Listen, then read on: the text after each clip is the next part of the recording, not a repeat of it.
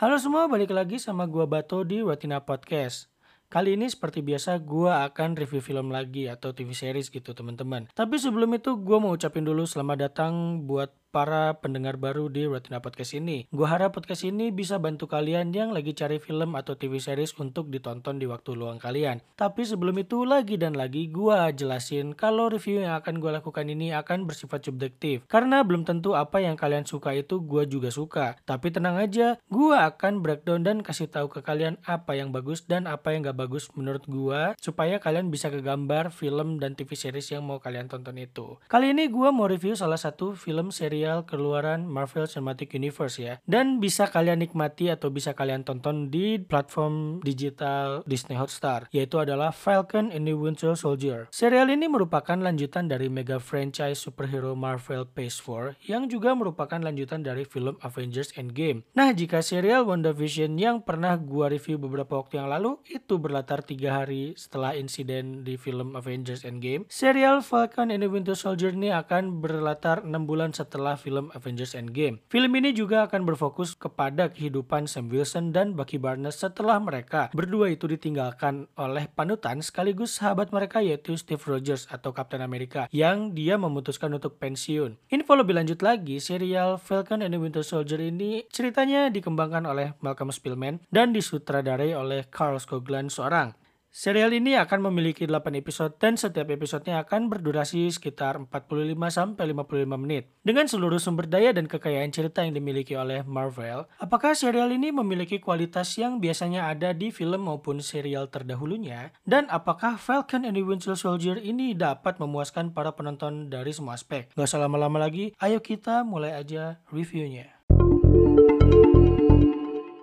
Pertama kita mulai dari cast di serial Falcon and the Winter Soldier-nya ya. Serial ini akan dibintangi oleh Anthony Mackie sebagai Sam Wilson alias Falcon. Dia merupakan aktor yang bisa dibilang punya jam terbang yang sangat tinggi di dunia peran. Adu aktingnya dengan Jeremy Renner di film The Hurt Locker dan perannya di film Adjustment Bureau milik George Nolfi membuat pihak Marvel sepertinya mempertimbangkan Anthony untuk mendapatkan peran menjadi Falcon. Selanjutnya ada Sebastian Stan sebagai Bucky Barnes. Dia dikenal sejak film Captain America The First Avengers. Kemampuan aktor ini meningkat menjadi lebih baik ya. Itu bisa dilihat dari perannya sebagai Jeff di film Aitonia milik Craig Gillespie dan ia juga sempat berperan sebagai polisi korup Deputy Lee Dobsker di film bikinan Netflix atau produksi Netflix yaitu The Devil All the Time yang filmnya tersebut mendapat banyak pujian dari penonton maupun kritikus film. Berikutnya ada Wade Russell sebagai John Walker. Nah, John Walker ini sendiri adalah seorang tentara yang memiliki banyak Medal of Honor dan dia dijadikan Captain America yang baru oleh Amerika. Peran John Walker ini memiliki andil yang cukup penting di film ya. Aktornya sendiri itu pernah berperan di film komedi 22 Jump Street dan beberapa film lainnya. Selanjutnya ada Erin Kellyman sebagai Carly Montague. Karakter ini merupakan salah satu tokoh antagonis di serial ini. Dia merupakan ketua dari kelompok Flag Smasher dan merupakan villain utama yang diekspos di serial ini. Dan yang terakhir adalah Daniel Bruhl sebagai Baron Zemo. Dia merupakan mantan villain utama di film Captain America Civil War. Meskipun begitu, dia tidak memiliki screen on time yang banyak di film Civil War tersebut. Namun, dia tidak bisa dipandang sebelah mata sebagai seorang aktor. Daniel Bruhl ini memiliki andil di beberapa film besar seperti Inglourious Basterds ya Quentin Tarantino dan ia juga sempat beradu akting dengan Chris Hemsworth di film Rush. Dia juga sudah mendapatkan peran di film The Kingsman yang akan tayang di akhir tahun ini. Nah, itu aja mungkin karakter yang akan gua bahas dari sekian banyaknya karakter di film ini. Jadi, selanjutnya kita masuk aja ke sinopsis serial Falcon and the Winter Soldier.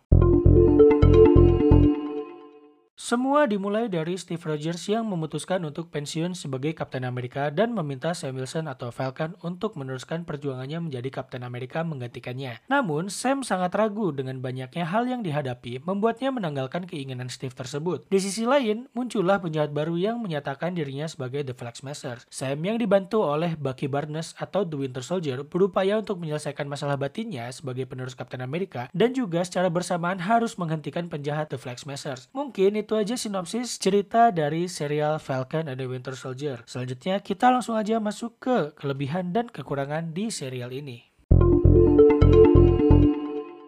Oke, kita masuk ke kelebihan dan kekurangan di serial Falcon and the Winter Soldier. Kita mulai aja dulu dari kelebihannya. Pertama, dari segi teknis seperti visual effects, cinematography, dan sound scoring, itu terbilang sangat baik di film ini. Visual effects sih nggak usah diraguin lagi ya, kalau keluaran Marvel itu selalu punya kualitas visual effect yang bagus. Itu juga didukung sama cinematography yang shoot adegan-adegannya itu dilakukan juga dengan baik, yang beberapa adegan itu sangat mirip dengan yang ada di komik. Sound scoring di serial ini masih ada di level standar sih, jadi gak bisa dibilang bagus tapi gak bisa dibilang buruk juga. Masih cukup bisa dinikmati meskipun kurang berkesan. Berikutnya dari segi cerita yang memang padat dan punya banyak unsur politik di dalamnya. Mulai dari konflik batin yang dihadapi oleh tokoh protagonis, hingga munculnya tokoh antagonis dalam serial ini juga kental dengan faktor politik. Pada serial ini juga kita akan lebih dekat dan lebih kenal dengan karakter Sam Wilson alias Falcon. Karena sejak kemunculan pertamanya di film Captain America The Winter Soldier, karakter Falcon Wilson atau Sam Wilson ini memang kurang pendalaman karakter. Di sini juga kita bisa mengenal latar belakang dari salah satu villain utama di film Captain America Civil War, yaitu adalah Baron Zemo. Gua kira Daniel Bruhl sebagai pemeran Baron Zemo ini nggak bisa acting, teman-teman. Tapi di serial ini gua salah. Dia punya kemampuan acting yang bagus dengan pendalaman karakter Helmut Zemo yang juga baik.